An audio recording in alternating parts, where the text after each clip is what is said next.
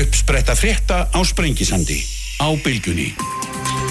Sæli hlustendur, þá haldum við stað hér í Galvösk á Sprengisandum í dag þannig 20. dag desembermánar verða hér í lokþáttar Guðni að Jóhannesson, Orkumála Stjórnitryggvi Félagsson var maður landvendar, ræðum þá Hálendið, Hálendið stjóðgarð Ímis álitarni því tengt þau verða þetta Halla Signi Kristjánsdóttir sem er alþingiskona Guðjón Sigurbjartsson sem er stjórnamaður í neyrindarsamtökunum ætlum að þess að röggræða þar eitt og annað tengist svona randbúnaðinu, matvæla stefnu matvæla framlýslu, innflutningi og þessu öllu, en sestur er hjá mér Óláður Sigursson, hann er frangvandastjóri Byrtu Lífilsjós, sælablessar, velkomin. Sæl, góðan daginn. Gott að sjá þig, Sjöfnlega. takk fyrir að koma. Sko, hérna, þú ert ferð fyrir fjörðarstæðsta Lífilsjóði landsins og, og vélar um einhverja 450 miljardar skilsnir Jú, sem er nú hérna, hljóman út aldrei hessilegt svona. Já, um, það gerir það. Já, það er aldrei mikið, er það ekki? Jú, jú, þetta er sapnast upp yfir langan tíma og við erum kannski ekki að fjárfesta öllum sjóðunum árlega. Nei, Það kemur inn í hann. En þetta er hansi drjú upp að bera ábyrð á. Já, já, það er það, já. en það er margir kringum okkur og, og mikið skipulag Já, ég trúi því. Sko vegna þess að það er náttúrulega svona, þó, þó þetta hljómi svona kjánaleg byrjun en, en auðvitað vegna þess að þetta er stór upphæð og lífriðsjóðu skipta okkur gríðalegu máli. Þeir skipta okkur ekki bara máli um æfi lífurinn heldur skipta þeir eiginlega öllu máli á fjármálamarkað á Íslandi. Það er stórir sem þið, þið sem að stýri það er þið ráðið aldrei mikið för á skuldabriðamarkaði, hlutabriðamarkaði og nánast öllum, getur við sagt. Stærðinni fylgir auðvitað ymitt ábyrð og svo er þetta, þetta réttindi 100.000 einstaklinga. Það skiptir auðvitað öllum máli hvernig þessu varið og hvernig þessu er fjárfæst mm. og það er alveg rétt hjör lífeyrskerfi er stórt hlutfall af innlendum markaði. Og það er alveg endi hafa ákvarðinir þeirra áhrif Já. og það skiptir auðvitað máli. Mm. Hvað er svona hérna, sko það sem er þegar þú þegar maður fyrir að skoða þetta þá, þá uh, æfilífurinn okkar er fastur í þessu og hann er það í síöknu mæli eftir því sem að ríkiskerfið eitthvað með sem dregur sér tilbaka þó að það hefur nú víst aldrei verið upprænlega áallurinn en, en er nú orðið þannig enga síður að frjálsbarnaður í þeim skilningi eða ófrjáls frjálsbarnaður í því hvað Já, já, hann. en hann er blandaður og það, hann skiptir fólk langmestu máli. Já. og nú erum við stödd í því umhverfi að við erum komið vexti undir 1% og þú áttur og ert búin að lofa að skila 3,5% ávöxtun auk verðtryggingar. Að þá sem ég ætla að fá hjá þér reyndir, reyndir ekki í byrtu þannig að það Nei, nei. en, þarna, Það en hvernig ætli eiginlega að fara að þessu í þessu, hérna, þessu umhverfi? Í, í umhverfinu eins og það núna. Já. Við ætlum að fjárfesta til lengri tíma. Og það er það sem við höfum alltaf sagt að horfa aðeins svona 5-10 ára að minnstakosti fram í tíman og nota þetta viðmið sem langtíma viðmið Já, og við getum auðvitað ekki mikið annað en hort bara í söguna. Hún hefur skilað okkur þessu og það er hérna dotcom bóla, það er hrunabankamarkaði og núna er enn einn niðurdrægið. Já, og samt hefur þetta skilað þessu. Og það er bara innbyggt í þessa formúli er að ef þetta gengur ekki upp þá er, kemur minni lífeyri út úr kerfinu. Já, og ef þetta gengur vel þá er aukið. Þá fá, fá sjófélagar meira. Já, og það er bara fínt fyrirkomula og það er ágætt að þetta er bara verið Fínt fyrir heilla þá sem fá meira en það er verra fyrir þá sem að þurfa að tóla Já. skerðingu, ekki satt? Jú, það er alltaf vest að skerða Já, og því fylgir nú að lækka vexti og minka gröfuna til þessara réttinda Já. að þá blæsa við skerðing og ofan í það má við bara bæta við að, að þjóðin er að eldast Já. mann fylgast bá hagstofan að gera á fyrir að við getum jáfnvel náð 90 ára aldri svona þegar fyrir að líða 2060 -hmm. og það er ekkit langt í það þannig að þetta þarf að duga í meirinn í sko 13 ár, þetta þarf að duga kannski bara um í 20 ár. Já, og þá skiptir auðvitað máli að við tökum þetta reglulega fyrir hérna á morgun þetta og uppfærum þjóðina og, og ræðum um þetta, ræðum okkur í gegnum þetta. Já, einmitt. því að þetta er ekki bara vextir er, við viljum lifa af þessu já, og þetta þarf að vera næjanlegt og það er það sem er minnstrættum og svo heyrum við auðvitað eldri borgar að tala um það þetta sé ekki nóg, þau vilja 15.000 krónu hækkun. Já, og við köllum svolítið á, kynnslóðunar eru svolítið að kallast á, ung fólk vil lægri vexti. Eh, eldri borgar vilja herri líferi já, og svo er hann eðgjald þar á milli og sumi vilja að borga minna í kerfi af því að það er að vera stór mhm, og þetta er, þetta bara ætti bara að vera jólaveislu umræðan sko. Með ömmu og afa og pappa og mömmu og, og, og hvernig við að hafa þetta í framtíðinni? Já, einmitt. Og hver myndi vera þín leið? Ég- að við stöndum eins og lýsir réttilega í einhverju svona miðri, það eru svo klísu kent að segja á krosskutum en við erum einhver í þversögn hann að miðri sem Já. er að við þurfum að áast að þetta en við höfum ekki tækifærin rétt í ögnablikinu og, og þú ert segir þú áast til lengri tíma en við erum auðvitað með kröfum það almennt að vera lágast að umhverfi. Já, það er ef þú lítur á húsnæðislántakendur og svo framvegis. Að vilja allir lága vexti Já, og það vilja allir Nema háa spara- líferi og þetta gengur ekki upp. Og það það ekki. það þarf að vera jafnvægið þannig á milli. Já, og til lengri tíma þurfum við svolítið að jústera þessa formúlu af, hún er ekki flókin. Mhm. yðgjöld pluss vextir mm skil okkur líferi Já. og er okkur er þetta mjög tamt við erum unga að horfa á að fá lága vexti á sjóðfélagalán og, Já. og geta keft okkur húsnæði. Já, og svo þegar við með eldast þá fyrir að veltaði fyrir okkur er þetta nóg? Og ég er uh, samfærður um að það kerfi sem við erum búin að vera að byggja upp með þremur stóðum, ríkið er grunnstóð samtryggingakerfið er svona lungin af þessu og svo erum við með séragnarsparnað þetta er bara fýtt sveigjanleiki í þessu og þetta er það sem að flestir er að reyna að byggja upp í kringum okkur. -hmm. og við erum komin svona hvað lengst held ég bara meðal OECD þegar að gera þetta. Aha, en við erum að gera þetta auðvitað í umhverju sem að kannski aðra þjóðar búi ekki við að við erum búum á litlu landi við erum með sjálfstæðan gjaldmiðil og þetta kerfi er orðið miklu stærra heldur en kannski viðast hvar annar staðar í heiminum og þess vegna erum við að reka okkur á málefni sem aðrir hafa kannski ekki verið að hafa ágjur af. Samanber að geta fjárfest þessu erlendis stiður gjaldmiðlinn við svona mikinn sparnað. Aha. er þetta að hafa ómikil áhrif á innlendanmarkað og hvað ef allir þessi sparnað eru fluttur úr landi, hvað áhrif hefur það þá á innlendanmarkað já, og þetta er jafnvægislist sem er bara óbúslega gaman að taka þátt í. Já, en treystir þú þér til að segja við þína sjóðsfélaga núna ég get skilað ykkur 3,5% verðtrýri ávastur inn í framtíðina. Að þú horfir á það sem þú sjálfur búin að vera að reykja kröfunum, lága vexti Já. og, og allt þetta, treystir þér til þess að segja það við fólk? Við vorum að segja það núna bara í fjárfestingastefnu í lóknóumber Já. að við teljum að okkur takist þetta til lengri tíma. Aha, og það er auðvitað há mikið lófisu já, það er okkar hlutverk að leggja fram fjárfestingastefnu sem við teljum vera trúverðuga. Já, hún er auðvitað háð óvissu og þegar við erum í miðjum storminum eins og við erum núna þá er auðvitað auðvitað að vera svart sín aha, það eru lágir vextir og það getur það er ekki dólíklegt að vextir veri lágir sko í jafnvel áratug. Stórþjóður að skuldsetja sig til að bregðast við þessari greppu og valla voru við búin að vinna úr bankagreppunni þegar þetta dinnur yfir. Nei, nei, en Ísland tókst það. Skuldastagan var til dælu lítil hérna í aðdraganda þessa COVID-fárs og það bendir til þess að við getum alveg á tíu árum rétt úr kútnum og komið hagavexti fjárfest í innviðum nýsköpun og náðu upp hagavexti sem eru auðvitað fórsendan fyrir því að segja þetta hækka vexti sko. já, já.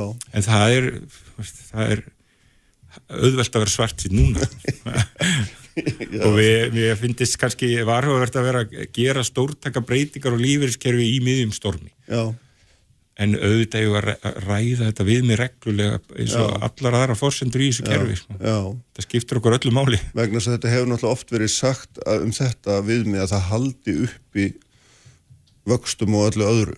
Já, það stendst ekki skoðun. Það sínum að því Það- vextir eru hvað er vextir á markað í dag þeir eru lágir sko. Já, já, og það er verið að lána sjóðfélögum undir þessu viðmiði. já. þetta er viðmið, þetta er ekki reglað um að ekkert megi fjárfesta í neinu sem er undir þessu. Nei, nei, en safniði heilt þarf að skila þessu. Aha mm Og- en hvernig skýrur þá að, að þú ert að horfa á þessa kröfu til lengri tíma að þið farið einmitt út á markaðin og byrjið að lána fólki í stórum stíl húsnæðislán undir ykkar eigin ástunakröfu af því að safniði heilt þarf að skila því en ekki þannig að þú treystir þig til þess að taka, sko, taka umfram ástunum einhver annar staðar. Við verðum að gera það. Já, og það er hugmyndafræðin. Já, að við getum sjálfum sér bara dreift eignum sumar eru með herri mm væntigildi og við erum auðvitað að horfa upp á það núna að það er gefnar út uh, greiningar uh, verðmætskíslur á fyrirtæki. Þar er krafa til eigin fjár herri en þetta. Já, og það eru fullt af verkefnin sem við búumst við að geta skila meira en null í raun ávastun og svo er þetta bara sá sem segir að þetta sé ekki hægt er auðvitað að segja eitthvað um eignamarkaði til lengri tíma. Aha. að þeir get ekki skila þessu í veldreiðu safni. Það sem er alveg réttmætt er að auðvitað getur þetta leitt til þess að áhættan verði meiri í safninu. Já einmitt, það var svona næsta spurning Já. þegar þú ert farin að taka stóran hluta sapsins eða einhvern hluta sem nú ekkert hversu stóran er en, en og er þarna að lána undir ykkar eigin kröfu þá verður að taka aukna áhættu annar staðar og lífeyrisjóða kerfi er nú þannig eðli sínu hlýtur eða vera það að áhætta er bannorð Nei Nei, er það ekki? Það verður, þú ert að ert að vela með spari fyrir annara. Sko. Já, en hvað er áhætta, e, e, sko, er, fyrir tveimur árum, fyrir tveimur árum, já. þá skuldaði ríki hvað, 25% eða 28% landsframneslu uh -huh. og þá eru þetta með lífeyrskerfi sem er 180% landsframneslu, ef við erum að horfa þetta bara í krónum, já. þá blasur þetta við að það er ekki að setja allt bara í skuldabrið fyrir ríkinu. Bara einfallega ekki nógu mikið til. Nei. og ef við horfum í kringum okkur viðast hvar í heiminum þá er lífeyrisbarnaður samsettur af fjölbreyttum eignum, hlutabrefum innviðum, skuldabrefum og það er þróunin sem við sjáum í kringum okkur. Auðvitað er það áhætta en það er ekki síður áhætta að treysta á ríki til framtíðar í gegnustræmiskerfi og vona að þeir geti borga lífeyri uh -huh. Þannig að ég held að veist, við erum bara átt okkur af því að við búum alltaf við áhættu þegar við lofum einhverju eða setjum okkur eitthvað markmiðum að greiða lífeyri til framtíðar já. og svo áhættu sem blasir við öðrum Evropu þjóðum sem hafa ekki sapnað er auðvitað skattstofnin mingi, mannfjölda sko samsendingin breytist og það eru fleiri eldri borgarar á lífi og þá er auðvitað áhættu þar líka. Já, já. Þegar ég var að tala um orði áhættu þá er ég kannski að tala um svona það sem að myndi skilgræn sem áhættu samar fjárfestingar hérna, farin í geira sem eru áhættu sem eru óþektir já. ég veit ekki hvað, hvernig maður ætti að orða þetta í stuttum áli en, en Nýsköpun, eitt í áhættu samastað sem hefur gerð ríkrafa til okkur að, að fjárfesta í nýsköpun. Það er áhætta en það er þannig fjárfestingar kannski innan við 1% af eignum mm en þetta er enga síður samt að verða 15 miljardar bara ef við horfum hérna á Íslandska lífeyrisjóðakerfið sem hefur verið fjárfest í nýsköpunum sjóðum og takist það að skapa ný fyrirtæki eins og Marel og Össur mm. næstu tíu árin þá getur þau auðvitað drifið áfram hagvöxt mm. og þessi áhætta meðan hún er takmörkuð og lítir hlutfall af eignum Já. þá er hún svona í hildar samhenginu mm. Sko skinsanleg og viðunandi. Já. En þarf hún ekki, sko, eftir því sem hún lánar meira út undir áherslu, það hlýtur að þurfa að taka meira. meiri áhættu annar staðar, er það ekki? Er það ekki lógist að hérna, ímynda sér það og þarna og þá verður náttúrulega herra hlutvall, sívakslandir hlutvall af sjóðunum í áhættu sem fjárfestingum Já. sem er í eðli sínum kannski ekki Átan má ekki vera ómikil Nei þá sveiplast eignir á milli ára ómikið og þá getur komið tímabill þar sem það þarf að skerða eða auka ómikið og þetta er kunstinu við að ræða saman safni að það endur spekli svona hæfilegan vöxt og líkur á að þessi spartnaður standi undir líferi Já. með til svona með hæfilegt öryggistík sem eru þetta fælst í því að fjárfesta í tryggum skuldabröðum á þjóðuríki Já, það er náttúrulega hérna, þetta er ágætið svona stikkorðin í næsta vegna þess að vegna þess að það eru þetta, sko nú erum við í þessari COVID-kreppu og ríkið er að hérna, skuldsetja sig gríðarlega. Og, og þarna og einhver verður að kaupa þessar skuldir ef svo má segja, það verður einhver að fjármagna ríkið og það gerir það ekki á skatt við því það er búið lýsaði yfir að það verður ekki ækkaði skattar og þeir eru frekar kannski farið í hináttina til þess að greiða fyrir neistlu og svo framvis Já. Eh, þá er náttúrulega hort á ykkur eigandi alls þessa fjár. Já. en það hangir líka á spýtunni að ríkið er að skuldsetja sig á þessum tíma þegar það er svo hagstætt að því vextur er svo lágir. Já. langt undir því sem þið myndi vilja hafa. Og hérna og minna þarna standið aftur á einhverjum krosskottum ætli að fjármagnar ríkið á lágum vöxtum eða, mm -hmm. eða ekki? Þetta er bara dásend markaðarins. Það er eðlert að menn hafa ágjörð því að þeir farin á markaðin að þessi ekki eftirspurn þar sem þeir vilja koma út Já. og svo er þetta, þetta bara 28 lífyrsjöður og sérregnarsjóður ofan á það mm. þannig að ég held að við hefum ekki nálgast þetta sem eina heilt Nei. Eh, það er nú eiginlega það sem við erum að reyna að byggja upp það er kannski skilvirkur skuldabriðamarkaður það sem að skoðanarskipti byggja á ískiptum og ríkið setur fram áallunum hvað þið þurfa að fjármanna mikið þetta er nú næstu fimm árin Já. og þetta er þetta há fjárhæð Já. Og þar eru kaupendur stóru leitað þetta lífur sögum með svona stærð þessar sparnar sko. þannig að það er aðeins að skoðanskiptin verði svolítið í áttinu til okkar já. en við erum við þurfum auðvitað umgangast markaðan eins og hann er við erum ekki að fara að segja það fyrirfram hvað ætlum að gera í næsta mánuði mm. við erum bara fjárfesta eins og aðrir á þessu markað og erum fjárfestar í þeim skilningi og lesum í markaðin á milli ára hvernig okkur líst á hann Já.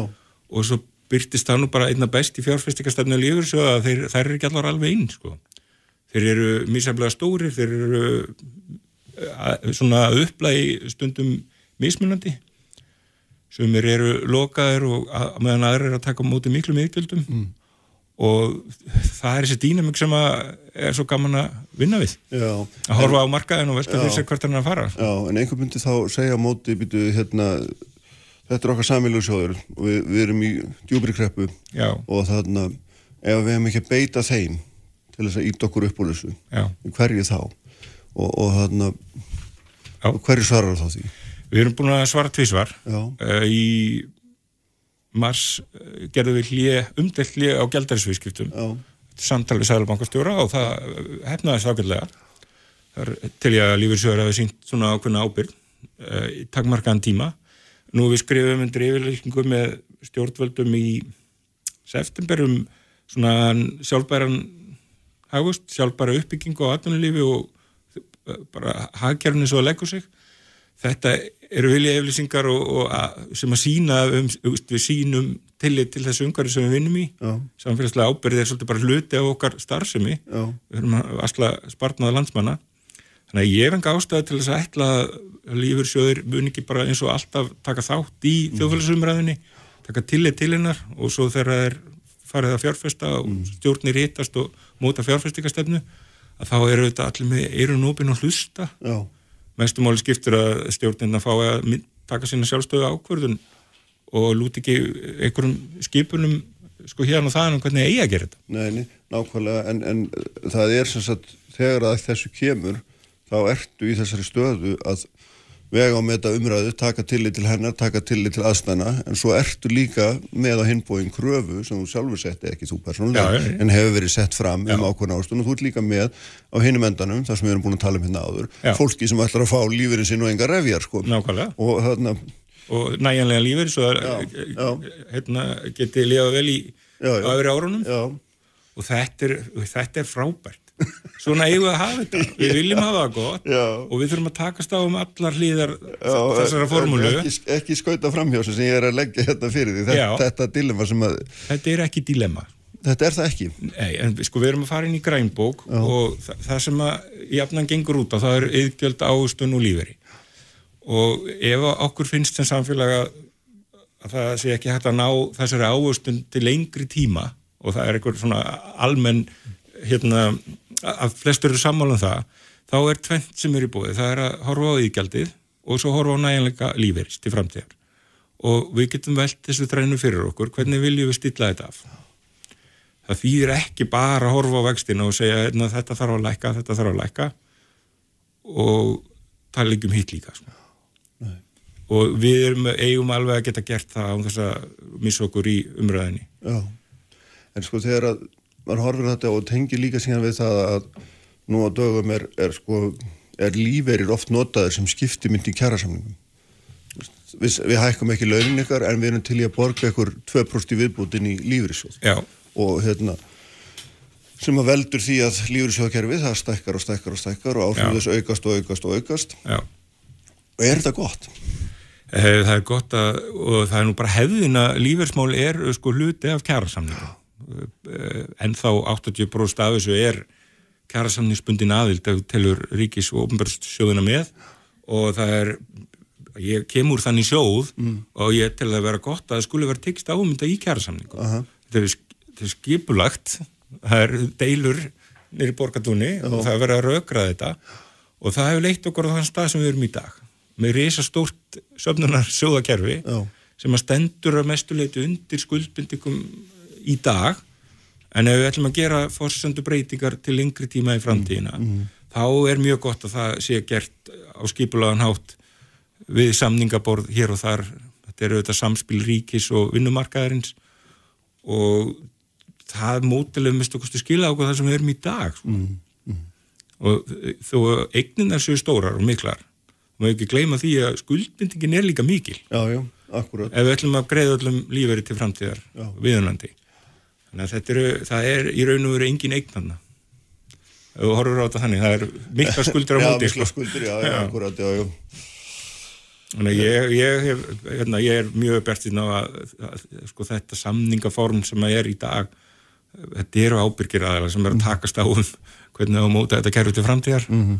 og gaman að vera þáttakandi því og fylgjast með því En sko þegar, þegar við erum að tala um þetta þá erum við þetta komin inn í eh, eitt af því sem er svona klassist um að ræða í varandi lífsvona það eru þetta áhrif atvinnureikanda og verkefnisreifingar á þetta og uh, afskipti. Sá nú mjög glögglega síðast núna hérna forma að vaffæri var mjög, mjög herskár gagvart hérna uh, live Já, uh, stefnu stjórnarinnar þar og, hérna, og, og hann sagði bara einfallega, ég var með hann hér og hann sagði bara einfallega ef ég má ekki skipta með þessu verkefnisreifingi má ekki reyna að hafa áhrif á það hvernig fjármögnum, fjármögnum sjósfélagan er varið já, þá er nú hérna fóki í fleskjól Hagaðalir lífursjóðan er fyrst og fremst sjófélagar frumskildan er að gæta hagsmunna þeirra. Aha. og svo erum við bara með þannig kerfi í dag að stjættafélög hafa aðild að þessu, samtöku atvinnulísis hafa aðild að þessu, svo erum við með ofnbæra sjóði sem að, það sem að stjórnvöld eru aðilar af lífeyrissjóðum. Og það er ágætis umgjörð hvað þetta varðar og við erum bundin stjórnsýslu lögum og við auðvum eitthvað ekki að gæta okkar eigin hagsmuna þegar við erum að stýra þessum sjóðum, heldur hagsmuna sjóðfélaga. Og ég auðvitað, í einhverjum pínleilum umbóðsvanda ég orðaði þannig, ég er auðvitað framkvæmdastjóri sjóð sem er skipaður stjórn bæði frá SA og, og stetafélögum ég hef ekki á 20 árum skinnjað mikil afskipti eins og stundum blásið út eh, af hérna, þegar við erum að fjárfesta Nei. leiðin að þessu er að skrifa okkur í gegnum fjárfestingastefnuna eigandastefnuna og móta okkur skýra stefnu sem að allir hagafar geta tekið þátt og svo skiptir auðvitað mestu mála að starffólk getur unnið eftir því og, og fjárfest í samræmi við þessi stóru stefnuskjöl. En það er sko, Sælabankastjórun sagði hér eh, fyrir á þessu ári að Sælabanki myndi beita sig fyrir því að sjálfstæði stjórnamann lífeyrissjóða verið tryggt í frambúri eða öllum grunnsendum um skuggastjórn. Já, og sem er hljómar hérna vel en er mikil skuggastjórn.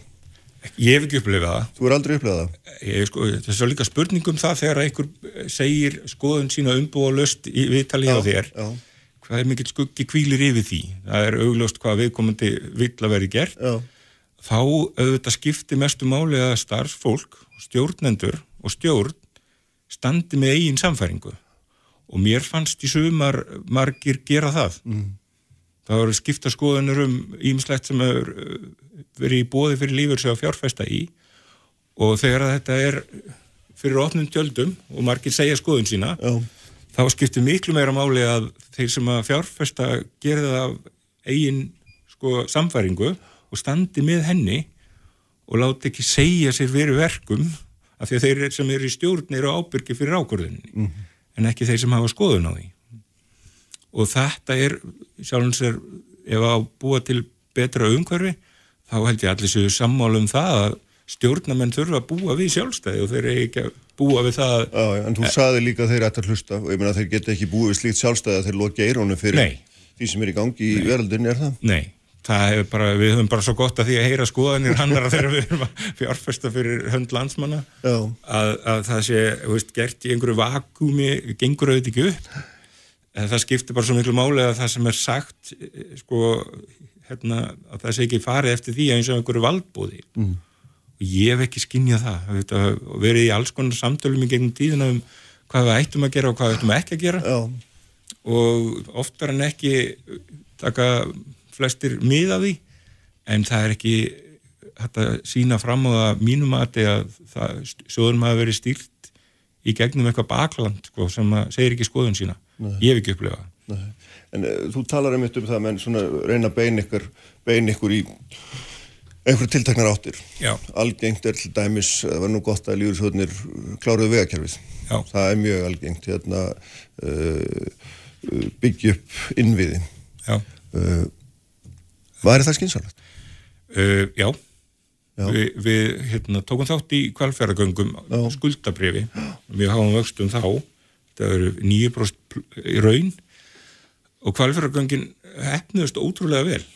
Það er þetta áhætt á leiðinni 20 ár þegar þau má skila því lík samgöngu bót Já. og við erum með þetta litla dæmi í þeim skilningi um samgöngubót sem að hendar ágætla í svo kallar samvinnu innvið eins og það verið þýtt, PPP og mér, okkur finnst og mörgum sem ég hef talað við að það séu fullt af innviðaverkefnum tæk í samstarf með fjárfæstum já, að stjórnum þurfi ekki endilega að leggja þetta allt á sérst, beint á fjárlög mannst eftir einhverju í dag. já, Við erum að horfa á Ísafja sem er fyrirtæki í Eiguríkisins og hefur lust skipta skoðanur um hvernig það reyka þetta framtíðar. Þetta er innviður, Já. þetta er flugvöllur, getur komið þannig tími að það þurfa að fjármagna uppbyggingu þar. Við erum með landsnett sem þarf að byggja mikið upp. Það er ekki verið að tala um endilega að afhenda þetta sko, lífursögum í, í heilsinni. Það er fullt af verkefnum sem að er brín þörf á að fara í og við höfum hort á þetta sem fjárfestingu sem að geti skilað sko hagvexti til framtíðar. Já. að innviðinir sko verði Er, skilvirkari er eitthvað, er þetta einhverjar, eitthvað samtöl sem eru komin eitthvað, eða ert þú bara viðra svona hugmyndi? Ég hef bara tekið þátt í svona samtölum og mikið að því er nú ofinbært og sumt að þessu, það eru tvö ár síðan ég held ég hafi verið á ráðstöfnu og talaði um þetta líka. -hmm. og þetta er ekki mínar persónlegur hugmyndir. Við höfum oft rætt þetta á fundum í stjórn. Við erum að horfa á kollega okkar erlendis sem að fjárfesta í innviðum og gera það í stóran stíl og við erum að fjárfesta í innviðum erlendis í gegnum sjóði, Já, en ekkert hér sem sagt. ekki beint. Nei. við erum búin að vera að reyna að reka innviðasjóð og koma nú á stað og það gengur hægt. Vegna hvers? ég held að hluta til séða stjórnmólin þetta er enga væðing eins og stundum kallað Já, og mörgum mislíkar það. Okkur kannski mögulega líka vanta formið til þess að fara í samrekstur þetta er ekki endilega spurningum að þetta þurfa að fara að fullu í eigu sko enga aðeila já, þetta er spurningum hvort að stjórnvöld sveitafjölu og ríki sjá sér hagi því að eiga suma hluti með enga aðeilum, með lífursjóðum og öðrum. Og ég er ekki ég er ekki búin að greina það í kjölinn sko hvað veldur, ég held að það sé marg þætt já, en það er greinlega einhver svona tregða, augljóslega. Já, og það er kannski ekkit endilega með verist þetta hafa tekið lengri tíma en við allan að byggumst við. Já, já, en lífur í söðunir væru, eða þeir sem þú getur talað fyrir, svo flokkinu og gætlum dreitna, en mér væri tilbúinir að koma í svona verkefni á nokkuð svaða. Já, það það er líka bara varandi fjölbreytni eignana Já. að komast í fjölstíði áhættu dreifing að geta fjárfest í mismunandi atvinningreinum Já, sumt af þessu með fyrirmyndar áhustun það skiptir nú mjög miklu máli. og hérna, en nú stutt síðan ég skrifaði pistilum að arðsemi ríkiseigna hefur verið svona í kringum rétt undir 10% na, Já, það er ekki nú bara ágætt áhustun sko. og sumt að ég eru auðvitað í sko, í einokun ræðstöðu. Aha, Ég, ég, við, erum, ekki pólitísk í okkar framsetningu og fjárfæstingarstefnu en við sjáum bara kollega okkar fjárfæsta innviðum og við teljum að það séu tækifæri til þess að dreifa áhættu að bjóða þeim sem áhuga hafa. mm. væri þetta góðu tími núna þegar að við erum að sigla vonandi upp úr Já. þessari kreppu svona næsta ári? Þetta er þreymur árum og seint. Aha, en Við hefum átt að gera þetta fyrir þreymur árum, undirbúið í, umræðan. í þannig- miðri hérna uppsveiflum. já, Já, af því að sko, ef þú ert búin að undirbúa þetta, já, búin að fara í fórkönnun og skoða kostinu sem eru tækir, býðir svo með þá. Þar til að þannig að þeir hafi ekki svona ruðningsáhrif inn í hagkerfið þá eru kostinni tækir þegar að svona kannski er samdráttur. Aha, og það hefur verið svo gott að vera í þessu samtali fyrir þreymur árum, ná sáttum einhverja innviði sem við erum tilbúin að fara í. Hann náðu er ólega heitum og taka svo skarið þegar samdrátturinn kemur. Aha, og í- þess vegna hefðu við átt að gera þetta fyrir þreymur árum undirbúið taka hana. Og það er á seint í dag? Nei, Nei, aldrei á seint. Nei, en, en það hefur verið gott. Já, það hefur verið einhver sterk innvegaverkefni sem er sáttum sem við værum byrjuð og farin á staði núna, sko. en hvernig sérðu fyrir þér að, svona, við hefum talað hér um núna mjög lengi, hvað hva gerum við þegar við komumst út úr þessari kreppu? Hver, hvert er hlutverk hvers og eins? Ætlum við aftur í sama hagkerfið, bara sömu við vorum í og svo framvegis? Hvert sér þú svona ykkar hlutverk í því að reysa samfélagið aftur á lappirnar? Við hefum bara eitt hlutverk og það er greiða líferi og við þurfum að passa okkur svolítið á því að láta ekki draga okkur í einhverja, sko, einhver mörg önnur hlutverk. Aha, aha, Eh, Það sem við erum að gera er, sem við erum að gera núna er að sko þegar þú borgar lífur eftir 40 ár þá viltu að samfélagi verið sjálfbært þannig að lífurinn standur nú örgulega undir Já. og yfirlýsingin frá því haust eru þetta svona ákveðin yfirlýsingum að við teljum að, að við getum tekið þátt í uppbyggingu á sjálfbæru samfélagi og tileng okkur þessi sjálfbærni markmið saminuð þjóðana um að reyna að stuðla því að hagkerfið samfélagi verið sjálfbærar til framtíðar. Mm -hmm. Þetta er einhvers konar samfélagsábyrði sem það er á bakvið. Já. Og aðferðafræði sem er auðvitað vel þekkt já. og við erum að tilengja okkur, við erum að í samstarfi við útgefundur að kalla eftir upplýsingum sem hjálpa okkur að meta þetta já. og við erum að meta fjárfæstingakostu og skoða það út frá því hvort þeir eru. Grænir og vænir og, og þarna. Já, líka bara skuldsetning þarf að vera sjálfbæri, þarf að hægt að borga skuldina niður. Og svo eru þetta heitna, það taka auðvitað allir mark á þegar þú þúsundir vísindamann að segja að hlínun jarða sig að mannavöldum Já. þá er alltaf að hugsa það til lengri tíma hvernig getur við þá breytt hagkerfinu þannig að það, það verði ekki verra En þarna ertu tilbúin að vera í einhvers konar breytingarhlutverki.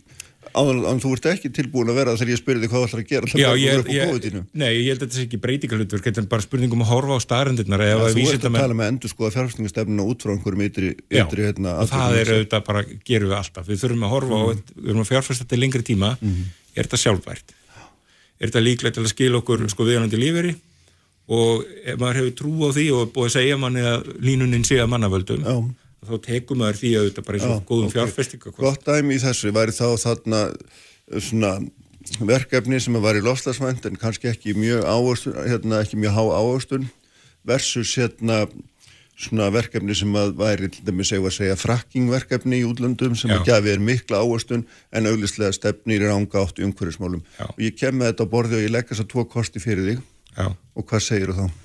Við myndum segja við getum ef að fyrirtæki sem er í frakking mm. er talið óumhverjusvæn mm -hmm.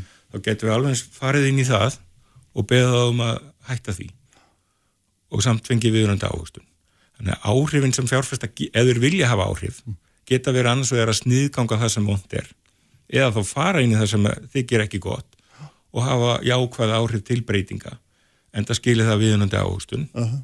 og þetta er, verður hver sjóður fyrir sig að meta mm. Við erum á þessari vegferð að við viljum hafa jákvæð áhrif á það sem við berum niður. Við viljum taka þátt í hlutafundum og segja skoðun okkar ef og ennum að hún auki áhastun, drægi úr áhættu og leiði til verðmætasköpunar. Það er kunstutt að meta. en er þetta ekki, þú veist, drægi úr áhastun og auki hérna, nei, á, nei auki áhastun og drægi úr áhættu. Þetta hefur maður svona oft talið að geta verið anstæður. Já, tökum hérna oljufyrirtæki sem sparar í þrýstilókum og, og svo springur borpallurinn og skadabætunar eru hímin, hímin áar. Það skiptir kannski máli að setja svolítið bara í viðhald og, og passa að stóðslýsi setja ekki allt á hliðina, sko. Ég held þetta sé það sem við heyrum síðustu fimm ár, fyrirtæki sem að fengi umhverfisvelun. Þú segja öllu sama, þetta dreifu kostnægi. Já það er hérna, ekki eins og við séum endilega að búa til eitthvað gróðurhús með dúlibunum og þetta er bara spurningum að horfa þessi umhverfið, draga úr umhverfiskostnaði og þá mingar kostnaðar og þá og stundum meiri meiri framleik sko. Já, þá ekst ástundum og allir verða gladir Já, mingar allavega áhættuna hvað umhverfisáhættuna var? Já, já, akkurat, og lífeyristegarnir verða gladir þegar þú hérna Vonandi. kemur með ásækningi þinn Það steytist í það. Já, herði, Ólaður Sigursson Takk einlega fyrir að koma, þetta var frábælega gaman að hérna fá því Takk fyrir þetta og þarna þau ætla að vera hérna hjá mér eftir regnumleik Hallasynning Kristjánsdóttir og Guðjón Sigurbjartsson Kraftmikil umræða alla sunnudaga. Sprengisandur á bylgjunni. Sprengisandur á bylgjunni alla sunnundasmórna.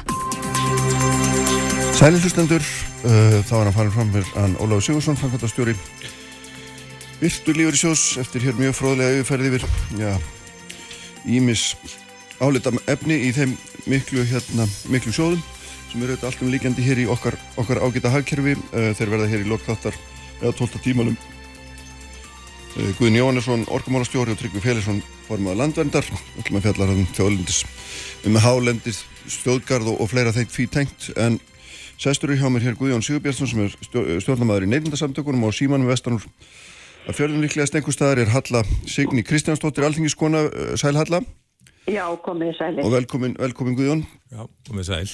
Uh, Hérna, sko, mér langaði að fá ykkur til að tala við mjög um svona nokkur aðriði einu raun og veru sem er svona hérna, þessi, þessi, þessi innflutningur á matvælum til okkar sem tengjast nú svona neytendum um, afstöðu með, meðamóti neytendum afstöðu meðamóti innlendur framlegslu það er svona margt að gerast í þessu, við erum nýbúin að samþykja nýja matvælastefnu. Við erum líka nýbúin að breyta búverulögunum þannig að hérna tóllasamningurinn sem var gerðið fyrir ári var endur skoðaður og, og hérna farið aftur í gamalt far sem að margir telja nú sem mjög óhagstaðar að far heldur en fyrir neytundu svo erum mjög mikla deilur um það hvort að þessi, þessi tollasamningu við Europasambandið hérna frá 2015 hafi raun og veru skila neytundum einhverjum ávinningi. Það er svona margt undir í þessu og síðan auðvitað kannski svo ég ma maður nú frá mér allt vitt þá hérna þá er nú COVID líka og menn hafa mjög mikið talað um það að í kjölfar þess þurfi að vera meiri svona innlend sjálfbærni meiri framleysla innanlands því að því að viðskiptakerfið hefur einfallega hérna, komið ljósaði svo miklu gallar og menn þurfa að vera sjálfum sér nægir. Halla, ég veit að þetta er alveg heilmikið sem ég er að dempa á því en hérna kontur um eitthvað gálut upp úr þessu öllu. Hvernig finnst þér þessi stað að vera öll?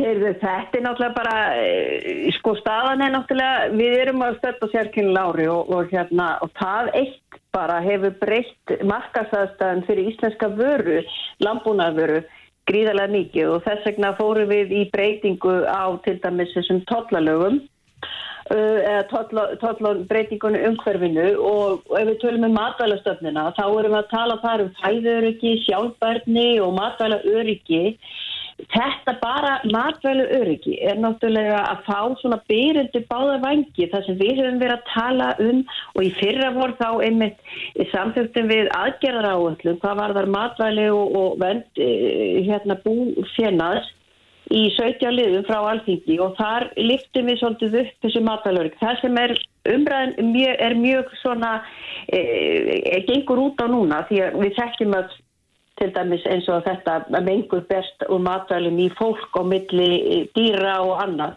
Og við þurfum að tryggja náttúrulega okkar eh, venda okkar búfjörstofn og auk þess að lifta okkar heilnama framleyslu eh, miklu betur upp. Og þegar er komin svo staða að það er bara skekja í, í, hérna, í þessari framleyslu og markas aðstæðum við erum til dæmis með hérna að það er náttúrulega okkur vantar þess að rúma 2 miljónur ferðamanna til þess að uh, borða okkar maturu samt eða viljum við flytja inn maturu að fullu. Og þetta er matasóun og það er svo margt sem kemur í þessa umræðu. Mm -hmm. til dæmis. Já, einmitt, þannig að, að, þín skoðun myndi vera svo að við ættum að hérna, frekar að hamla innflutningi og, og treysta okkur sjálf? Já, við skulum átt okkur því að allt það sem við borðum er lambúnavara 90% lambúnavörun sem er innflutt, hún er tollfrjáls og ég menna við erum að tala um það sko seriós er náttúrulega lambunavara mm -hmm. þannig að við erum nú ekki að tala um að þessi tollvend nefn á þeim vörum sem er líka framlengt hér. Já, við, við tölum nú velnast um landbúnavöru sem svona frávöru, er það ekki, má, má kalla það ég menna seriós er nú bara pakkavara myndi ég allavega í mínum svona málskilningi Já, en tollaflokkarnir eru þarna og, og hérna, veist, við erum að flytja einn gríðilegt megna maðurum og verðum að gera það og ég er ekkert að segja það en, en það eru allar þjóðir að begðast við líka þeir, hérna, að venda sína framleyslu og þetta eru störf þarna bakvið og, og, og þetta er ekki bara örfáð bændur eftir sveita eins og fólk vil sem stundum tala um að við séum að, venda svona eitthvað lítinn hóp. Og, og, og þetta er að fólk og við erum neytið þetta, þetta er náttúrulega bara stórt neytindamál mm, að venda íslenska landbúnaður Guðjón, þú ert hérna, stjórnamaður í neytindasamtökunum og hérna þú skrifaður um þessa nýju landbúnaðarstefnu að hérna Þá væri vissulega hérna, aðeins minnst á neytandur að þá væri það hérna, vissulega eitthvað svona örlíti skref en, en greinlegt að þú telur nú að þeirra hagur sé samt verulega en það fyrir borðbórin, er ekki? Jú, ég, þó ég sé stjórnamaðurinn eitthvað þá er ég að tekka fram að ég er nú svona hér uh, tala nú uh, svona, undir eigin nafni bara undir eigin, nafni þó Já. ég veit að ég sé uh, um þessi mál þá, þá er allavega fórist að neytindarsamtakana sam, samstiga í, í svona afstöðu og vanandi eins og tollasamningana mm. og að það var eindregin ósk ekki bara neytindarsamtakana heldur samtaka atvinnulífsins bæði löngþega og, og svo við aðtunur reykjanda og, og margra annara sem er gáð umsökn um, um þá hugmynd að taka tilbaka tollalækanir mm. og stækkun tollkvota, það var mjög uh, mikil andstað við það, eindregin, allra umsagnar aðeila og uh, fólk vil frekar, þeir vildu frekar, við höfum viljað frekar sko styrkja þá landbúnaðin eðlilega þarf að uh, taka á með, með landbúnaðin þegar það kemur upp þetta áfall út af COVID og fækkum ferðam, ferðamanna sem er náttúrulega gríðarleg. En um, þessi aðferð hún er þessi eðlis að það er hægt við að hún hafi langtíma áhrif eh, fram yfir kreppuna og uh, vegna þess að það er búið að berjast lengi fyrir þessari þó litlu lækkun á uh, eða opnun sem sé tólkota og uh, sem að var að hafa áhrif það er því miður að það gerist á sama tíma að, að gengi efrunar stórhækkanum um einhver 20% fyrir part ásins, mm -hmm. eitthvað aðeins gengi tilbaka sem þýðir það að innflutt matvæli hækka þá tiltörlegi verði þannig að um, það er erfiðar að sjá lækkunin en er, hún er hins vegar augljósallum sem vilja vita það. Það er cirka 10-15% lækkun á kjöturum núna síðustu mánuði miða við það sem hefði verið miða við það gengi sem, a, sem að var. Þannig að hún er mikil og þess vegna er þetta mjög sárt fyrir neytendur og kemur á vondun tíma þegar að e, e, hérna margt fólk er atvinnulöst og fátækt og þeir sjáu viðræðnar í, eftir matarkorfum núna fyrir jólinn og um, þannig að þetta er aftur þróun og um, í Evrópu þá er ofinn matværumarkað millir í landa, allra landa, millir söður og norður, þar við vitum alltaf að launir og herri eins og hér í norður Evrópu uh, og hún, þau eru læri í Östur-Európu uh, og þar með er, uh, er Norður-Európa að taka á með Suður-Európu og, og þetta kemur neytendum vel og þetta kemur vel fyrir heildina. Við erum að taka þátt í þessu fyrir mm. okkar fólk hér. Mm -hmm. Það mun, mun hérna lækka spennu á vinnumarkaði, það mun gera lífskjör betri, það mun hjálpa ferðarþjónustunni sem er líka er út um allt land. Þannig að þú er telur í grunninu við um að hérna, halda áfram þessu kerfi sem var þessum viðmjöðunatollum og hérna og halda áfram að hérna, heimila þann miklu innflutning sem hefur verið hann hefur hann ónúttilega aukist mjög mikið og með ekki setur einn að skorðu við honum. Gríðarlega sko því að hérna Fyrstir við um ekki setur einn að frekar skorðu við honum mm, þátt fyrir ástandið eða hvað? Sko við eigum að hjálpa bændum þarna Aha, með öðrum og, hætti það Já með öðrum hætti og uh, hérna það er sko við borðum ekkit ekkert mikið meira en við erum að gera sko þó við viljum bændum vel. Og það, það, er, verður, það verður vandamál að vinna á, á þessu eh, sem að, eh, ástandi sem núna er, jafnvel þó að þessum, þessi breyting sem ég ger með tólkvotunum sem að alltingi samþýtti núna. Já. þannig að það er ekki eins og eh, vist að komi bændum vel. Nei, alltaf það sem maður, maður horfir aðeins hérna, aftur í tíma núna og, og skoða þessar breytingar sem eru gerða bæði með svona tallasamningu og erfsamötu og eins þessum nýjustu breytingu sem voru gerða fyrir ári og verið er að draga tilbaka núna þá sést náttúrulega fyrstlega að, að hérna, innflutningur hefur aukist alveg gríðalega en, en það sem er, kemur alveg greinlega í ljós er að, er að það verður orðið framlegslu aukning á innanlands og hérna og innlendar vörur hafa raun og veru lækkað minna heldur en það er innfluttu svona heilt yfir einhverja örfáar undatekningar en almennt hefur íslensku landbúna bara staðið sér feiki vel í samkeppni við þannan innflutning. Og er einhver ástæða til þess að víkja þessuna frá þessari stefni er hún ekki bara sanna sig ágætlega? Býtu aðeins höllu svona lega höllu að svara Hallar, nú heyri ég lítið í þér. Heyri stýtt í mér? Já, heyri stýtt í þér núna. Nú, þá fyrir ekki Býtu aðeins hérna Já, þannig kemur inn, já. Þannig kem ég inn. Eh, við langar aðstæðis að bregðast því sem Guðjón var að tala um áðan, hvað var þar eh, sko hækkun og vöru til neytinda og þetta leiði til hækkunar og vöru. Við langar aðstæðis að benda á það að vestlunin og innflytjundur, þeir stýra þessu og vestlunum stýri þessu nokkuð mikið og þá langar maður til þess að nefna hérna nýlega könnun hjá ASI á, á jólakörfunni, uh, jólamatnum að það eru til dæmis bláber, innflutt bláber sem eru tóttfrjáls. E, verðmunur eru 379% þannig að og, og, hérna, og, og kílóverðið er herri heldur en að hambúrgararrygg. Mm. Þannig að vestlunin er náttúrulega líka stýrað þessu gríðarlega mikið. Þetta er ekki allt þessum tollasemt vegna þess að við erum frekar með eh, lága totla, totla tollurinn er ekki svo hár á því sem við erum að set, leggja þó á þær vörur. Þannig að, að þetta skiptir, sko, þó við séum að tala um þess að tollenda á þessum fáu vörum sem að, vöruflokkun sem að við erum að framlega sjálf, að þá er þetta ekki upphafinn og endurna á, á verði til neytinda. Mér langar bara að minna á það. Já. En hvað var það sögun og þetta hefur auk, aukist framleyslan vegna þess að við höfum geta verið að selja meira og þannig að núna vantar ferðamennina. En það er líka sko fleiri þættir og, og það er bara, ég held að neytindasamtökin eftir frekar að fagna því að við séum þó með að bjóða upp á bæði fæðuröki, örugt fæðuröki hér á Íslandi og, og betra matvæluður ekki. Þetta er það sem skiptir máli og við, þó að sé sko því að verði getur svo auðvitað ef það er meiri framleysla þá getur hún orðið hagkvæmeri og verði því lækkað og, og sko við erum ekki með slíka tollvendi sem að, eins og nákvæmlega eins og Nóriður er til dæmis með á sínum landbúnaðurum sem þeir eru að framlega sjálfur. Já þetta hérna Guðjón, hún, við beinum þessu til þín með það að neittundarsamtökin er fyrst og fremst að fagna fæðuröryggi. Mm -hmm. Já, fæðuröryggi, að við höfum nóg að borða, sko, það er, uh, og síðan matvaluröryggi, að, að maturinn sem borðum er síðan örugur, ekki skemdur, fáum mann og svo framvegs.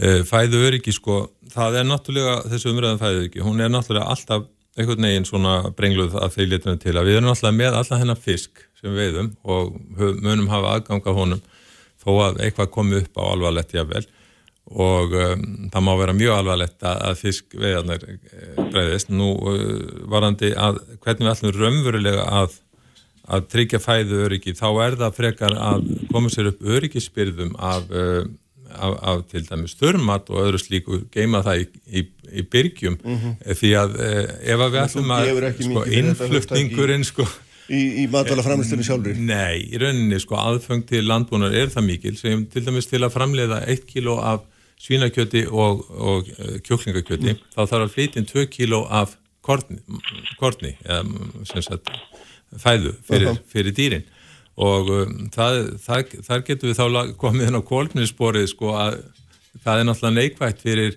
fyrir hérna hérlenda framleysla þessum vörum sem að hvita kjötunum svo kallega og uh, og hérna og, og, hérna lambakjöti er enda líka. Það er alveg merkilegt með kolminsporið að lambakjöti að það er hagstaðar að flytja inn frá Nýja Sjálflandi meira að segja. Þannig að sko þessi umræði eru oft byggð á mjög svona hæfnum fórsendum mm -hmm. þegar grænt er skoðað þá, þá kemur annaði ljós. Já, allavega Já, ég gef nú lítið fyrir það að, að nýsjálenska lampakjöti sem er minni kólefnisspor og þetta heldur þetta íslenska, mér finnst það, það bara að, með því að segja það þá hlýtur að sjá skekkjuna í því. En hvað var að totla samningra og við óskum eftir því að og það er farið í það að endur skoða þann samning Já. vegna þess að þetta hefur hallað, þetta er náttúrulega við erum aðtúa það að totla samningar eru nöðsilegir. E, og það er ekki verið að tala um að segja því upp einhliða vegna þess að þetta er bara nöðsilt fyrir okkar viðskiptarsamband við bara umheiminn og, og eins líka í ímsu og, og, sko, og þá er það líka við erum að flytja út. Uh, landbúnaður það er til dæmis uh, með íslenska vatnið og fleira. Og það er bara við erum að sjá að það er skekka í þessu og hann hallar frekar á okkar viðskipti við útlönd þannig að það er ekkert þó að sé verið að fara í endurskoðans að samnings að þá er bara verið að skoða þetta frá öllum hliðum til þess að tryggja okkar hagsminni og það er ekkert óæðilegt sko, Þessi samningur við Europasambandið hann hérna, já, hefur uh, enda þannig að þeir flytja eða þeir fluttar eru inn vörur frá Europasambandslandunum í miklu mæli til okkar en við flytjum náttúrulega ekkert út nema bara til Breitlands held ég hérna uh, lambakjöt uh, ef ég hef, ef ég hef skil þetta rétt en hérna þú segir að það sé ekki fara í neina, sko við erum búin að fara eða undanriksráður er búin að fara fram á þetta vel endur skoðað og tekið upp og, og, og rætt um það hvernig þetta breyta samningnum þannig að verið okkur frekarlega hagspóta en, en síðan hefur náttúrulega þinn formað Sigur Ingi sagt að, að hann vilji segja þessum tallasamningi við Európa-samöndu upp reynlega þannig að það er nú ekki alveg rétt að, að hérna, það sé enga rættur um það að, að viljum ekki breyta honum einhliða Já, ég held að við þurfum alltaf að hafa eitthvað tollasamning í gangi en við þurfum að endur skoðan og það er ekkert óæðilegt við það. Og hérna við, við getum bara að sé það að það eru allir hagsmunni sem að sko við erum náttúrulega öll sem hvort sem það eru íslenski bændur eða neytendur og þá er það okkur í haga að endur skoða þetta reglulega held ég.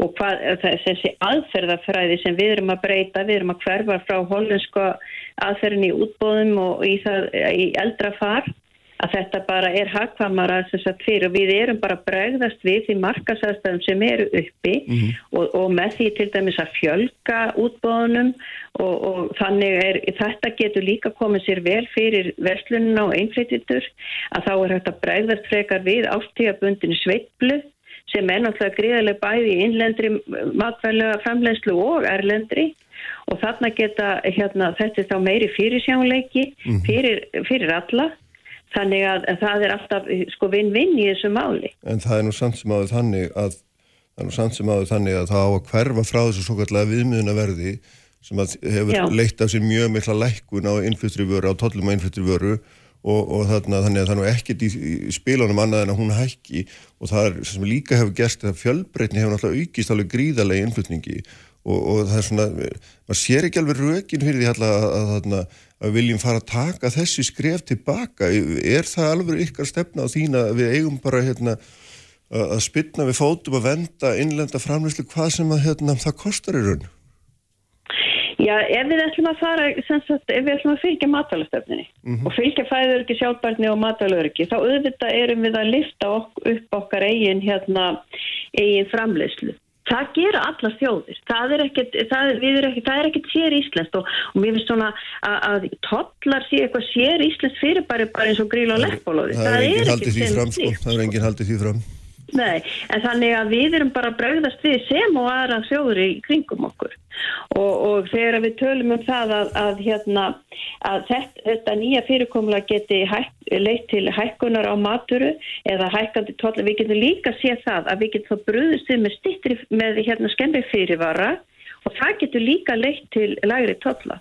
Ef ég kem aðeins inn, inn í þessa umræðu um, um þetta að Sko við styrkjum bændur beint hérna um 16 miljardar árið cirka. Það gerir um 350.000 á, á hvert bóndabíli á mánuði og uh, síðan... Þú var að eh, henda fram einhvern tölur sem já, orkuleiða hérna. Nei, þetta eru 16 miljardar, það þekkja þá nú mjög margir sko, 16 miljardar fjárlögum uh -huh. uh, sem að uh, síðan er, uh, OECD hefur reknað út að ígildi tollvendarinnar séum cirka 10 miljardar ári og um, það er miða við evróska uh, samabörð að, að, að það er sem sagt hvað myndi neytandin fá mikla verðlækkun ef að uh, það væri engi, engi tollvend, mm -hmm. engi tollar og það er um 10 miljardar ári þannig að uh, síðan er það annað sem er ekki reiknað út fyrir Ísland en er að því við erum eiga að þá getum við ekki eins og bændur til dæmis í Danmörku sendt uh, kjötið í vinslu í, í Pólandi og uh, annar stað það sem er ódýrt og fengið það svo tilbaka aftur í búðunar þannig að við erum að venda líka slátrun og vinslu uh -huh. og ég og Þorval Mattísson hagfræðbróðs og reknaði það út fyrir nokkrum ár síðan að uh, þetta er um það byrjum aðrir tíu miljardar sem að vinslan er að fá og mhm. slátrun og vinslan Hvað að, finnst þér í grunninn að gera? Finnst þau um að skera þetta niður bara? Ég, ég, ég held eins og uh, að það er að, að, að hækka grunnstuðning bænda mm -hmm. og, og í staðin fyrir að sé cirka 350.000 á bíli á, á mánuði og 16 miljónar þá held ég að þetta hækkan upp í svona 500.000 á bíli mm -hmm. og fella niður uh, og þar með láta okkar bændur keppa við bændur í Európu mm -hmm. en með miklu meiri grunnstuðningi en þeir eru að hafa. Mm -hmm. Þeir í dag eru okkar bændur að fá þrísarsinnum meira meiri stuðning í heldina heldur en bændur í Európu og fimmsunum meirinn í bandaríkjum, það er annar mál um, og um, þar með sko, með því að fara upp í svona cirka 20 miljardar fjárlögum, mm -hmm. myndi ég telja uh, hæfur eða svona miða við og um, fellanir tólvendina, þá læk lækka sem sagt verða á kjötvöru cirka 35% og um, við fá og, og ostum og við erum með fjölbreytni. Þetta gerir ferðarþjónustunni auðveldar um vik og það gerir auðveldar um vik fyrir landið að fá góð fyrirtæki hér inn í landið. Það sem er auðveldar og mm. betra að búa. En er þetta ekki einhver dröms vegna þess að hérna, við, Við, sko, við búum náttúrulega í, í, land, hérna, landbúnar er ekki bara landbúnar að framleysla, hann er þetta bara hluti af menningunni, hann er bara hluti af því hver við erum.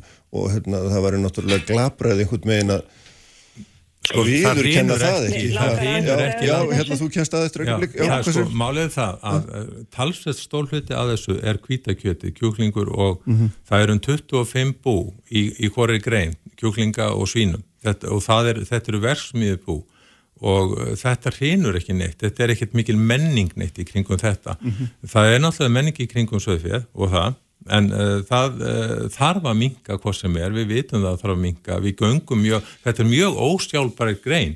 Við erum með endurhendu votlendi sem að erum það byrj 60, eða sko votlendi erum 60% af, af uh, útblæstri eða af sem sé gróðursoloftegundu sem Ísland losar, þannig 60%, landbúnaðan losar hann 13% á öðru leiti, samtals er landbúnaðan þannig ábyrgu fyrir um 70% af losan gróðursoloftegunda en á hensvísu þá Þú er... ert aftur komið með Já. eitthvað talnarsúpu sem ég bara er ekki með í kollinum. Já, það er gott að vita að hensvísu þá er losun uh, landbúna, eh, fæð, fæðuöflunar okkar á milli 20 og 30%. Já. Við erum, við erum með meir en tvöfalt, við erum hér um þrefalt meira. Hérna Halla, þú ætlaði að komast að, já, Já, hann kom að góðum punktu þarna sem Já. ég ætlaði líka að nefna. Það er samkeppnisumhverfi landbúnaðar. Hagkvæmi, sko, það eru stór yðnarbú út í Evrópu sem við erum að keppa, sem íslenski eh, bóndin er að keppa við og íslenski framleiðendur. Og þetta, þurf, þetta er þessi skekka sem við þurfum líka og það eru líka nákvæmlega þjóður okkar að bregðast við eins og Nóriður og annað, að það er að, að hérna, skiptir máli að sem sagt að, að þessi fyrirtæki sem að vinna hér til og með afverðastar geti unni meiri saman. Við erum svona peanuts fyrirtæki í þessu og en, en við erum að að keppa við þess að rísa úti og, og, og það, þetta þurfum við svolítið að laga. En þetta eru aðra þjóður að gera og þetta til dæmis myndi skapa hægræðing og það er talað um það ef að íslenskar afverðastöður í kjöti fengi að vinna saman að þetta geti sparað í alltaf e, e, uppið til þrjá miljardar. Þetta geti þá leitt til þess að, að veruverð myndi lækka auk þess sem að, að bændustæðu þá betur og við og eftir og fengi þá hærra afuröðverð. Það er svo margt í þessu sem Já. við þurfum að, að, að hérna, skoða í þessu sambandi. Þannig að það, við erum alltaf að reyna að tryggja eh, hag íslenskar neytanda jáfnframt því að við séum að tryggja hérna afkomu þeirra sem að vinna í landbúnaðgerum og það eru þúsundir manna, það er ekki bara bóndin heldur við framlistugeirin og sko þetta skapa líka alla leið að, að matborði neytandas, þá skapar þetta störf. Skulum ekki gleyma því. nei, hérna, Arstútt Guðjón í lokin, hérna, Já. hefur náttúrulega mótmælt í að ætta að gera þetta sko. Í fljótu bræðir hægt að rekna út svona Akkur erum við eina legubílastöð á Íslandi eina rútubílastöð, eitt flugfélag Það er hægt að rekna út ákveðna hagræðingu í þessu en til langstíma litið er þetta ekki sniðu Það er sama við held ég um þetta en uh, þannig að já, Þannig að er þú telur þetta ekki góða hugmynd. Nei, þetta er, þetta er Heyrðu, ég að það er hérna, það er mjög skipta skoðanir um þetta allt saman. Bæði erum við að Já. tala fyrir hönd já, og maður vil alveg bændum vel, það er ekki málið. Nei, nei, við viljum það nákvæmlega, nei, nei, það er, þeir eru bara eins og annar aðri íslinga, maður vil öllum vel, Já. það verður bara að vera þannig. Heyrðu, Halla, takk fyrir þetta. Takk og hérna, takk fyrir að með okkur, takk fyrir að koma Guðjón, þeir verða hérna hjá mér eftir augnablík.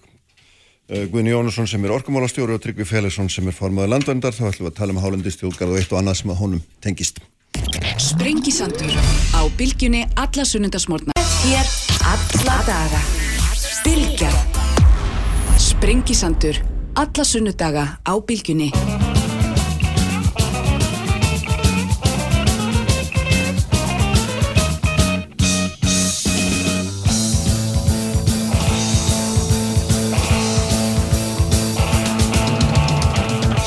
Sælir aftur hlustendur, þau eru farin frá mér Halla Signý Kristjánsdóttir og uh, Guðjón Sigurbjörnsson, vorum að ræða hér um já, matarastefnu landbúnaðin og það var nú svo fennilega hérna dáliti sem að svona skildi á milli eins og gengur. En ég ætla nú að halda áfram með mál sem ég var nú byrjar hérna á í síðustu viku og það var áhugavert sem er nú svona þessi hálendis þjóðgarðin er margt svona sem honum tengist. Þeir eru hérna Tryggvi Félagsson sem er formaður landvendar og Guðni Jóhannesson sem er orkumálastjóri, velkomin Takk fyrir. Guðni, það er hérna, það er svona, fyrir hver jól þá, þá er, hérna, kemur frá þér jóla hugveikja sem að hérna veku nú jafnan nokkra aðtegli og er alltaf, þú veist, hérna, út á ómyrkur í máli eins og sagt er, hérna, ert ekki að fara en eina krísuvíku leiða hlutunum og þarna, og, og svona, sendi nú, hérna, pilur hinga á þanga og núna þá svona fannst mér áhugavert að þú, þú eiginlega svona, þú gefur út uh, dánarvottar á rammaáallum og segir hún sé bara martröð og þannig að við þurfum að endur skoðana, leggja hana niður endur skoðana, breyta, breyta öll upp á nýtt Já, ég held að þetta sé orðið nokkuð augljóst. Já. Ég gerði mig bara grein fyrir því þegar ég fór að skrifa þennan jólapistil Já. og einmitt eh, var nú ekkert með rammaállu sérstaklega í huga en, svo fór ég að hugsa þetta meir og meir mm. hvað maður ótrúlega meðvirkur. En nú er ég búin að vera orkumálastjóri hérna og það er búið í, í 12-13 ár Já. Og það er búið að koma einni rammaállin í gegn. Þetta einum áfanga síðan ég byrjaði. Já, og síðan hefur þriði áfangin sem hann var unnin og hefur ekki verið samþuttur alþingi. Og nú eru byr, menn byrjar á fjórða áfanganum og veit ekkit hver örlu hans verðu, verða og, og þannig að, að þetta er í raun og veru bara ástand sem að sko gagvart þeim sem eru að reyna að, að byggja upp eitthvað eða koma af stað einhvers konar, konar eh, orkuframneslu Já. rávorkuframneslu þá er þetta, þetta ekki bjóðandi sko, í, í nútíma þjóðfélagi Nei. svona stjórnsýsla nákvæmlega og þetta er tengist haflendi þjóðgarinu vilja þannig að hann eiginlega yfirskrifar þessa rammaáallun er það ekki, lögin um hann, manni sínist manni Já, það er í raun og veru alveg órætt vegna þess að sko, fyrstu hugmyndir um hálendistjóðgarð voru í raun og veru kannski, eins og ég sá þar fyrst og fremst bara uh, orkugýrðing sko. En, en síðan hefur nú umræðan þróskast mikið og, og, og síðan hafa menn gerð sig grein fyrir því að það er ekki hægt að loka fyrir rávorkuvinnslu á hálendinu eins og menn kannski höfðu hugmyndur um í upphafi. E, síðan erum við að segja já að, að það sem hefur verið er undir í byðflokki núna það geti komið til álita að setna meir en svo e, hafa menn alla fyrir var á því þannig að, að þetta er nú svona menn tala um þetta svolítið hver með sínu nefi en, en, en þetta er auðvitað svona, e, svona menn eru kannski að gera sig grein fyrir því að, að þetta er bæði sko frá efnarslegu sjónamið og sérstaklega frá sjónarhóli lofslagsmála alveg rosalegt mál að útiloka eh, sem sagt fjölda tervastunda í, í eh, rávorkuframleyslu. Er þessi hálendis þjóðgars hugmynda þínum að þetta er bara ekki góð? Sko, ég er bara mikill vinnur hálendisins og, og ég held að þetta sé bara einn álgun til þess að, að svona koma skipulagi hálendi. Ég hins vegar bara hlusta á það þessa umræðu. Veist, kom mörg sjónamið fram líka þarna hjá þeim sveitarstjórnamönnu sem hafa verið að mm. fást um þessi mál og, og ég er líka sammálum að þetta er svolítið mikil stopp, stopnun og mikið apparat sem þarna er að koma upp og, og ég held að sko það væri svona heilnamar að taka þetta inn í stæri, smæri skömmtum og það einbeitt okkur á þeim verðmætu sem við viljum vernda Aha. en ekki leggja undir okkur eins mikið landflæmi og mögult er. Tryggvið, það er náttúrulega svona eitt af eitt af haldreipum umhverfanda sinna hefur verið þessi rammaáallun og því hafið mikið talað um hana og hérna og, og, og svona og þessi flokkun hérna vassfallana og virkjanakostana í, í vend, nýtingu og byð og hérna mikið verið tikist á um það hvað áveri byð og, og sömur vondir umhverfisráðarar hafa fært hluti úr byð í nýtingu og öfugt eftir hver meginn hryggja með liggja. En mér finnst það merkilegt sem að Guðnir er að segja þetta er alveg rétt að þetta gengur ekki neitt. Þetta er allt stopp. Já, uh, Alþingi hefur valdið okkur miklum vonbröðum. Alþingismenn hafa ekki geta nýtt sér þá góðu vinnu sem hefur unnin í, verkefnastjórn í, í, í, í rama á öllum þrjú. Það er bæntalega vegna þess að það er, þar inni eru einhverju sem er að verja einhverja sérstakka hagsmunni.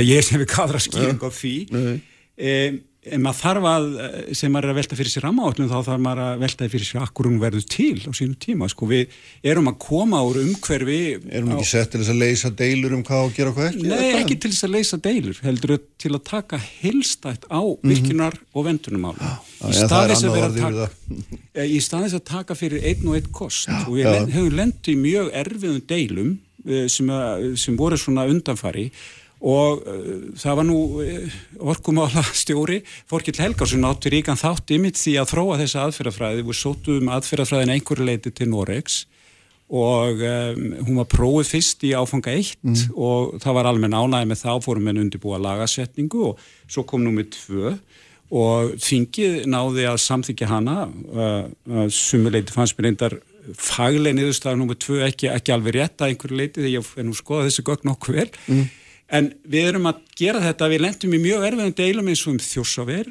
eh, erfiðum deilum um eigabakkana og erfiðum deilum um kárnjökavirkjun og það er svona þessu sem enn fara að segja og það voru uppi áformum hérna Arnardalsvirkjun sem var að taka jökulsá fjöllum uh, og, og, og fleiri uh, áform sem er ennþá uppi um, um hérna Hálendi Norðan Hofsjökuls og Skjálfandafljót og, og svo framvis og átnar í, í Skaftæðisíslu, jökulátnar þar, allt þetta er undir og svona almennt þá eh, er náttúruvend að gildi þessi svæða mikið og það var svona samkúmulað það að reyna að taka þetta í helsin og reyna að skoða þetta og með þetta mm -hmm. með mhm. aðferðafræði með aðstóð fagmanna og nota svona ákveði enguna kerfi og síðan átti verkefnastjórn að taka þetta saman og skila sínu tillögum til ráþurra sem fór með þessi til alþingis og þeim var ekki breytt sko það fór nokkuð, nokkuð mm -hmm. vel til alþingis en alþingi hefur ófært um að ljúka málu og það er mikill galli enga síðu þá erum við náttúrulega í dag með talsvita virkjunum í virkjanaflokki sem hafa ekki náð fram að ganga vegna þess að það ekki verið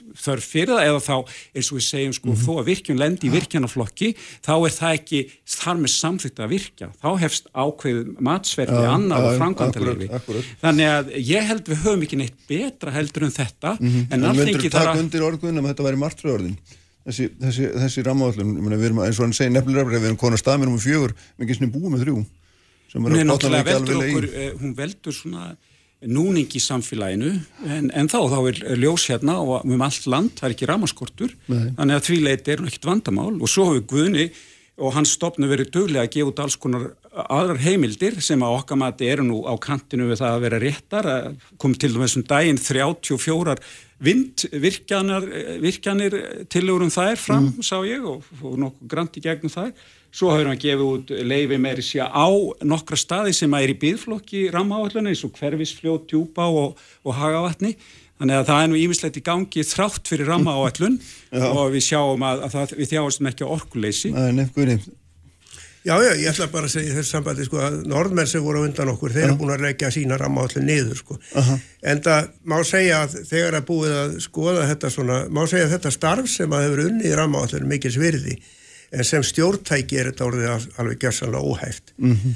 og síðan getur við sagt bara eh, vegna þess að, að eh, sko rammállun hefur heldur ekkert verið til þess að skapa sátt vegna þess að eins og Tryggvi segir hér að það er þetta ferlið heldur áfram og umræðan heldur áfram og ef við sjáum hvernig sko jafnvel uh, jafnvel stjórnvöld sko hamast gegn uh, kvarnarvirkun sem var í öðrum áfanga rammáallunar þá sjáum við auðvitað það að, að þarna hefur framkvæmdar aðilar ekkit sko, það, það er ekkit bar, baráttan er eftir þó að, þó að það sé búið að fara með þetta í gegnum rámállun og, og það þýðir í raun og veru að, að þetta er þetta er í raun og veru sko bara auka snúningur í kerfinu mm. og hann er hann, hann gegnir ekki tilgangilengur mm. En svaraði þess aðeins varðandi hérna, vindagsvirkjaninnar og, og og þetta sem hann nefndi hérna aðra virkjan sem þú vart að setja á stað frátt fyrir hérna næga orku í landinum Nei sko vindvirkjanar sem eru sagt, menn hafa lagt fram hugmyndur um vindafsvirkjanir sem að sko við vildum ekki hafa með í fjórða áfangar að máallunar vegna að við teljum að vindurinn er ekki þar heima. En umhverjarsráðunni til ég að gera fyrir sig sérstaklega lögfræði álit og grundvelið þess að þá hefur verkefni stjórnin stjórnin farið fram á að við tökum á móti vindorkukostum mm. sem þýðan þeir geti tekið til meðferðar mm. þetta er ekki sérstakt áhuga mál hjá okkur bara ég, já, út, út af þessu með vindorkuverð það voru nú tvö vindorkuverð tekjum fyrir í öðrum áfanga þannig að það liggur núna þegar fyrir jákvæð niðurstaða um eitt vindorkuverð mm. og annað vindorkuverð er byggflokki og okkur finnst að sé andi lagan að vindorku verð hafa mikil áhrif á umhverfið. Það, það, það er engin, engin spurning um það. Landet hefur gert uh, ágæta skýslu um það fyrir nokkrum árum sem ég ger ráð fyrir að þeir eiga orkustofn. En svo varðandi sérstaklega þessa virkjum sem nefnd kvalarvirkjum, mm, mm. þar er nefnilega gerð svo alvarleg fagleg skissa og ég hef rekið það oft og mörgu sinum. Hún er sett í nýtingaflokk þrátt fyrir það faglega nýðustöður ef, ef sangant faglega niðurstáttan ekki að færi nýtingaflokk mm. og þrátt fyrir það að gögnin var ekki nógu góð sangant þeirri reglum sem gilda, þá var hún samt sett í nýtingaflokk mm. og það er það sem gerist þegar menn far ekki, vand ekki vinnubröðin, mm. þá lendum við frekar í vandræðum. -hmm. Þetta er svo mikilvægt að fagli vinnubröð séu góð í ramáall. -hmm. Við þurfum að gera hérna hlýja, fá nokkur ölsingar höldur sem áfram eittur ögnum Með þér allan daginn. Hvar sem er, hvena sem er Bylgjan Bylgjan. Brettir þjóðmál og pólitík. Sprengisandur á bylgjunni. Særi hlustundur uh, Þeir eru hérna hjá með Tryggvi Félagsson formað landvendar og Guðinni Jónusson sem er orkumálastjóri. Við höfum svona verið að reyna að rama þessinn umræðu um hvað maður segja framtíðar orkunýtingu í landinu og, og, og, og þessi þessi markamilli milli vendunar og nýtingar. Guðinni þarna það er svona ef ég skil þér í þetta þá, þá myndir þú vilja halda öllum möguleikum eða sem flestum opnum inn í þessum hálendistöðgari til þess að nýta ef að það teldist hafkvæmt og, og nöðsynlegt í framtíðinni. Og þá kannski ekki síður með það fyrir augum að, að, að, að, að sko horfa ekki bara á Ísland sem staðbundi fyrirbliði heldur að það sé hérna það sé líka svona eh, einhvers konar víðara hlutverk okkar sem ferist í að nýta þessa vistvænu orku versus að nýta hérna, aðra orku annar staðar í heiminum. Er þetta ekki svona okkur með rétt lýsing á þinni hugsun? Jú, það er sko það sem ég hef deilt á er sérstaklega þetta, þetta svona uh, þetta svolítið, svolítið svona tal þar sem að menn er að tala niður eh, rávorku framleyslu hér til yðnaðar eins og það hafi ekki jákvæða þýðingu fyrir hinsbyðina mm og það er óskaplega einfalt reiknistæmi að það hefur það að þetta álver eh, sem að, eh, er ekki hér með núverandi tækni það, það sagt, hefur áttarsinnu minni losun heldur en álver sem er ekki með kólaorku annar staðar í heiminum uh mhm. -huh. og síðan að, að e, þá er tæknin líka í álverum að breytast eins og við gáttum að lesa því ágættur grein í bændablaðinu sem kom út núna sem var bara stórgóð og fróðleg uh -huh. Eh, þannig að, að tæknin er að sagt, þessi uh, kólefnislósun í olverum hefur verið tengt rafskautum. Og svo tæknin er bara einfallega að breytast á næstu áram þannig að við erum að losna við þann byggar Já, einmitt. En þannig að þú telur semst að, að við eigum að halda öllum möguleikum opnum inn, í, inn á þessum svæðin sem við köllum í daglugtali núna hálendistjókar til þess að hérna, nýta ef að við teljum þarf á síðan mér Já, já, ég bara tel svona kannski þrjár helstur ástæði fyrir því það er þetta loftasmálin, mm. svo er þetta efnaðasmálin, við þurfum að tryggja hagvöxt hér á landi þegar við okkur fjölgar hérna Íslandingum og uh, þetta er bara eina aðferdi þess, ég er ekki að segja að hún verði svo besta, en ef við erum að útiloka sagt, uh, okkar hagvastarmöguleika til framtíðar, þá erum við á svolítið skrítinni leið með aðra þjóðir. Mm og síðan að þá er bara tæknin til að vinna ráorku og uh, hún er stöðut að breytast. Þegar ég kom að þessu fyrst þá þurft að bóra beint, uh, nokkur þegar beint nýður í orkulindina. Nú er þetta að bóra í nokkura kílometra fjarlæð frá orkulindinu til að nýta hana. Mm. og síðan erum við þetta ekki búin að láta á það reyna hvernig sko, orkumannvirki sem var gerð til þess að, að tröfla sem minnst umhverfið hvernig þau myndu líta út. Þannig að ég held bara við um að vinna þetta áfram mm. með mörgum hætti ég er hins vegar alveg sammála því að það eru staðir á Íslandi þar sem við hefum ekki hafa orkuvinslu Já, já, akkurat. En, en hérna, hvernig horfir þetta við þér tryggvögn það er hérna, það er svona þetta margra manna mat að með þessu frumvarpum hálfandistókar séu þetta verið að lokonum fyrir frekar yðmæðingum þar sé verið að loka þessu svæðinu maður bara með að halda áfram því sem byrja var á rétt í öðrunum en öðru leiti sé bara búið að loka þessu fór hérna uh, langt inn í framtíðina? Já, og við höldum að hálendi sé svo verðmætt að það þurfi að venda mm. fyrir orkumannvirkjum, það búi yfir þeim eigileikum sem er sjömun verðmættiri fyrir okkur og fyrir framtíðina. Og svo má segja sem svo að, að eh, þó við friðilsuna núna, það koma kynsluður eftir okkur, það, við, við, það er ekki útlóka, þær vilji breyta því að komi aðrar áherslur En áherslan á náttúruvend, hún fer vaksandi og hálendi er svo verðmætt, við teljum að eiga frílýsja það. Mhm. -huh. og að uh, þjóðgarður sé En finnst þér þetta varfarnar sjónamið sem Guðin er að lýsa þar að segja loka ekki á heldur að halda möguleikum opnum, finnst þér það bara að vera útiloka sjónamið eða hvað? Sko ég vil geta þess, ég fletti upp í rammaállun 1 og 2 mm. nei, 2 og 3 það eru ádján virkjanir í nýtingaflokki nú þegar mm -hmm. og það eru 48 í byggflokki sko það er ekki eins og að möguleika landi verði lokað með því að frílýsa hálendið, það er stort en þá uh -huh. og eins og Guðni nefndi tækninni flegi fram. Nýja möguleikar, það er ímislegt að gerast. Og það er ekki orkuskortur í landinu.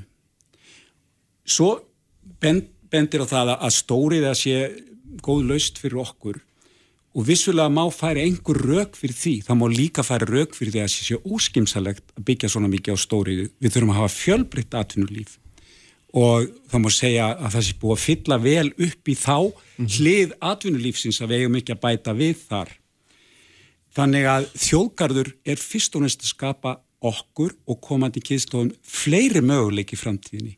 Það eru þarna stór vassöld í dag og það eru fyrirtæki sem vilja að fá þau.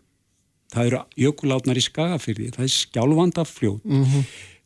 það eru vötnin í, skaftafi síslu líka og þetta eru mikil verðmætti. Við erum engungu gegnum ramma áallu fram til þessa. Þá erum við búin að taka markafljótið sem er mjög mikilvægt, það er komið í nýtingaflokk og við erum búin að taka jökulsá fjöllum. Þetta eru mjög mikilvæg atriði mm -hmm. og við náðum líka þjórsóverum. Þetta eru við búin að ná í gegnum vinnunum fram til þessa og það er stór sjóður sem orkufyrirtækin geta unnið úr eins og ég nefni með þessum tölum og svo er að koma en öll þessi vindmilu hugmyndir sem er að koma mm -hmm. sem er náttúrulega geta líka haft neikvæð áhrif mm -hmm. þannig að mögulega landið er mjög stórt og þó við erum að fara og erum að byrja þeirri vegferð mm -hmm. að umbreyta okkar orkunótkun fara úr uh, kólefna ríku elsneiti yfir og við höfum alveg sveirum til þess og fórsvarsmenn einn stærsta orkufyrirtækis landsins hefur lísti við getum þetta án þess að ganga hálendi mm. og það heldum við að, að sé viðfórsefni sem er ráðum við. En, en það er, og það, það er bara til að þú er sér til aðra framtíða þannig að það þurfur ekki á þess að halda með nokkru móti það sé lægi að loka bara fyrir mögulegana. Sko við höfum séð það og því miður mm. frílýsingu hefur verið aflitt. Uh -huh. Ef að komum þannig ástæður í samfélaginu mm. að samfélag metur að sé brínt að rástafa landi með öðru hætti en við gerðum vonandi á næsta vori mm. breytunum við þjókar þá tekur mm. samfélagi þá ákvörðun Er þetta ekki nógunni? Já, ég er bara bent á Japan sem dæmi sko, það, Japan er eiga svona um 30 gigavött í sko óbeislaðri rávorku frá jarðhittalindum þegar að kjarnorku einaður var að reyðast í rúms í Japan þá sáður bæði ríkistjórn og stórfyrirtæki og aðrir til að þetta var pakkað velin í þjóðgarða og síðan var þetta að tala niður í arðita nýting sem möguleiki. Núna standaður upp með það að þeir eru með um þau beð 30-50 gigavött í, í uh, kjarnorku mm. sem að bara fólki vill ekki setja í gang aftur en það er hins vegar mjög erfitt stjórnskipulega að, að fara snúa aftur uh, þessari miklu þjóðgarðavæðingu sem var þarna á sínu tíma og þeim hefur ekki miðan eitt með það mm -hmm. nýtingu jarðhýttar Þannig að þú óttast að eitthvað slíkt myndi gera Þú verður að brenna samsvarandi í, í, í jarðefnaelsneiti til þess að, að verða sér út á rama mm -hmm. Henni, við skulum gera hérna annað ölsingarlið, margar ölsingar í dag. Sprengisandur alla sunnudaga á bylgjunni. Kraftmikil umræða alla sunnudagsmórna Sprengisandur á bylgjunni Sælilustendur, þá erum við hér á loka loka sprettinum og sprengisendum í dag. Þeir eru hjá með Tryggvi Felixson sem er formað landvendar og, og Guðni Jónsson orkumálastjóri. Við hefum verið að ræða þetta þjóðlendis eh, þjóðgarðin á miðhálendinu, hálendis þjóðgarðin og, og svona nýtingamögulegana þar og, og svona ólíka sína það hvernig er best að haga málum. Sko, mér er svo áhugavert í að Guðna að Tryggvi, hérna, það er þetta sjónamið um það að Ílningar hafi ríkar skildur gagvart um heiminum þegar kemur að nýtingu vistvarnar orkum og, og að menn get ekki bara hérna loka sig inni og, og sagt að við skulum bara hérna, venda þetta fyrir okkur og við skulum ekki nýta orkunni hér og, og svo skulum við bara láta einhvern annan sjá um að spúa hérna röstli út í, í, í hérna andrúsloftið en að því það kemur alveg jæfnir okkur eins og öðrum sko og þetta er svona sjónamið sem að hérna er svona áhugavert í þessar umræðum finnst þér þetta bara að vera hérna tóm tjara eða hvað? Nei, við Nei. berum ábyrg sem heimsborgarar, við erum mm. heimsborgarar og við erum í í nattvættu hagkerfi og við búum í góð lífskjör og við erum góð, þannig við berum mikla ábyrð e, og um, hluta þeirra ábyrð er að venda þá náttúru sem er sérstug og við fáum mikið að gestum mm -hmm. til Íslands mm -hmm. koma til upplifa. Nú er ég að reyna að tala um þetta í orku skilningum, ég veit, veit um þessa ábyrð ég, ég er ekki að gera lítur af henni við skulum tala um hitta það er, það er, hérna, það er ákveð sjónamið sem falið er í því að hérna, að berja ábyrð út fyrir eiland, eilandamæri Já, við getum þá byrjað að segja sem svo að fjóri fymtu að þeirri raforku sem við framleiðum í dag mm. fara til stóriði ja. sem er hluta svona þessu randarana hagkerfi mm. og Guðni bent á að það væri hugsanlega betra fyrir umhverfið að hafa það nú í Íslandi. Ég er, endar, eh, er ekki alveg vissum að sé nákvæmlega, eh, nákvæmlega rétt í öllum tilfellum. En það er svona, má líta það sem einhvern framlag. Það er alveg verulega mikið framvar fyrir 360.000 manns Í öðru lagi þá eh, er það framlaga okkar líka að veita aðstóð þjóðum sem að geta nýtt á tækni sem við höfum á Íslandi. Mm. Við höfum líklega einhvað þekkingu á rafurkusviðunu, sérstaklega heitavarsnýtingu sem að gæti hjálpa öðrum þjóðum og því er verið að sinna.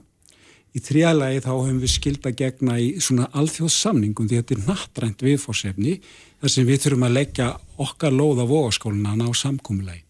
Og svo þurfum við átt okkur að því að þó að sé mikil orka hér mm. á íslenska mælikvarða þá er hún ákallega lítil á nakkræna mælikvarða og ef á að leysa orkuvanda heimsins þá verður ekki, ekki, ekki le, leistur með framlægi af íslensku orku Nei það er alveg ljóstu þetta en það er ekki alveg að alla er nú ekki fara að þangað sko alveg en hérna En það er svona áhugaverkunni hvernig ég hef nú borðið þessi sjónamiðin undir fleiri og það er náttúrulega merkir þetta menn svona, hérna, eru ekki mjög innkjöfti fyrir þessu.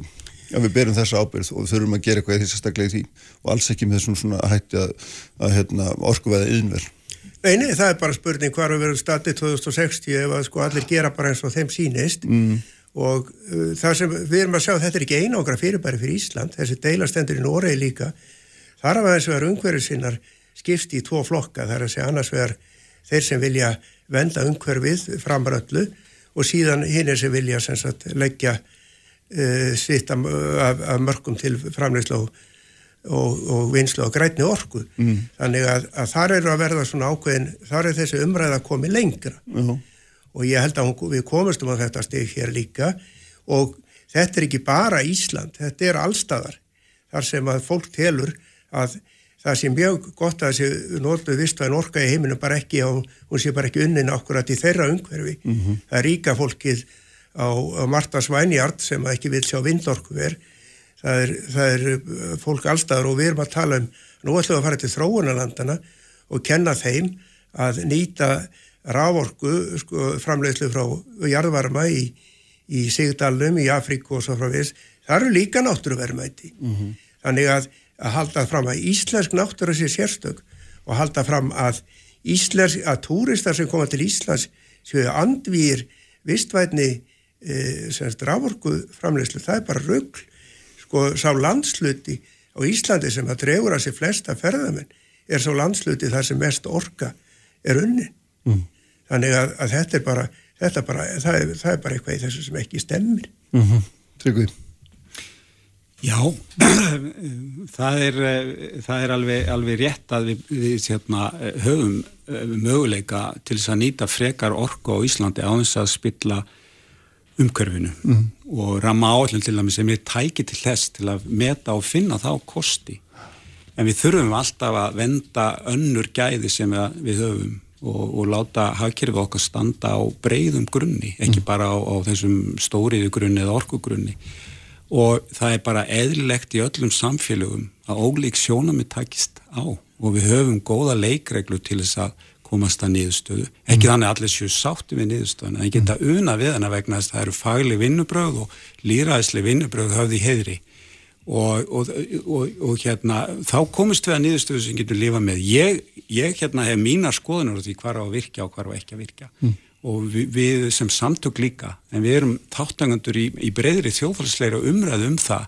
Og okkur er falið sem samtöngum landvend að standa vörðum ákveðin og tilgreynd sjónuminn og þar erum við líka berjast fyrir vendun loftsjúpsjarðar sem þáttakandur í alþjóðsamfélaginu. Við tökum þátt í umræðina á báðum vikstöðum og reynum að, að finna lausnir þar sem að bæði er tekið tillit til þeirra, þess náttúrar sem við höfum á Íslandi eins hvað við getum lagt til málana í, mm -hmm. í loftlasmálunum. Mm -hmm. Hvað segir um þessi sjónamöguðinni, þessi vendarsjónamöguð sem hluta að þessu líka sem, sem er þátt eitt púsli í þessari öfnum? Já, við erum á lítið land og höfum á fá samtök, sko að sömur samtök sé að bú, sko að berjast fyrir vendun einstakra virkunar, mögulega virkunar staða og, og landsvæða mm. og hins vegar að sem sagt hafa, hafa tekið sér einhvers konar fórastu hlutverk um vendur lofthjúpsins. Eins og er að vendur lofthjúpsins er alltaf hjá þessum samtökum látin mæta afgangi. Það er að segja þeirra frum eh, hugmynd mm. þeirra verkefni sem þau setja sér er í raun og veru vendun Íslands landslag og það er allt í lagi, ég bara verði það. En ég er að segja ég vil ekki láta þessi samtök með þessa dagskrá mm -hmm. einoka umræðuna og það, og það er það sem hefur gert uh -huh. allt og lengi. Uh -huh. uh, mér, mér finnst þetta sjónum eða einkennlegt, ég las upp hérna að það eru átján virkjunarkostir mm. í mm-hmm. nýtingaflokki, mm. átján virkjunarkostir. Það er ekki eins og að vanti orkuna. Við þurfum á næstu 15 árum að helst að skipta út allir í ólíu sem við notum. Mm. og það þurfum við að leysa hérna einanlands, það er mjög gott framlag til loftlagsmála, á sama tíma þurfum við að taka þátt í alþjóðsamstarfi spurning eigum að fara að flytja út orku það er matsatriði, ekki, á, ekki þannig að við spillum okkar náttúru, hún er líka vermætt, hún er líka mm. vermætt fyrir umheimin.